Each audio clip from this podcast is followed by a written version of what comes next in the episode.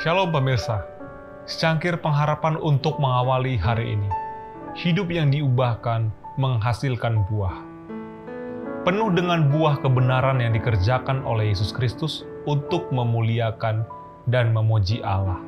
Filipi 1 ayat 11. Tanaman itu tidak bertunas, bertumbuh, atau mengeluarkan buah bagi dirinya sendiri, tetapi untuk memberikan benih kepada penabur dan roti kepada orang yang mau makan.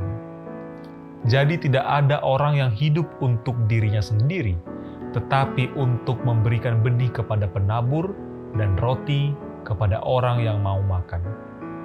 Umat Allah berada di dunia ini sebagai wakil Allah untuk keselamatan jiwa-jiwa yang lain.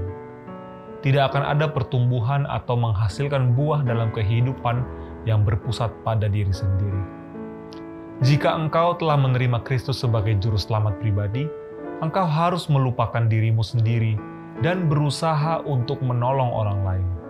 Bicaralah tentang kasih Kristus, ceritakan tentang kebaikannya. Lakukan setiap kewajiban yang ada. Pikul beban jiwa-jiwa di dalam hatimu, dan dengan segala usaha sekuat tenagamu, berusaha untuk menyelamatkan orang yang tersesat. Bila engkau menerima roh Kristus, roh dari kasih yang tidak mementingkan diri, dan bekerja buat orang lain, engkau akan bertumbuh dan mengeluarkan buah. Rahmat dari roh itu akan menjadi matang di dalam tabiatmu. Imanmu akan bertambah, keyakinanmu mendalam, kasihmu dijadikan sempurna. Semakin lama engkau akan semakin memantulkan rupa Kristus dalam segala sesuatu yang suci, agung, dan elok.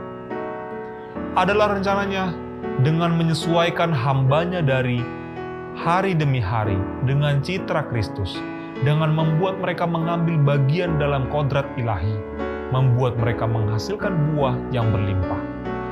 Dia menginginkan umatnya melalui pengalaman nyata dalam kebenaran Injil untuk menjadi misionaris yang benar, kokoh, dapat dipercaya. Dia ingin mereka menunjukkan hasil yang jauh lebih tinggi, lebih suci, dan lebih pasti daripada yang saat ini belum terungkap. Demikian renungan kita hari ini, selalu mulai harimu dengan secangkir pengharapan.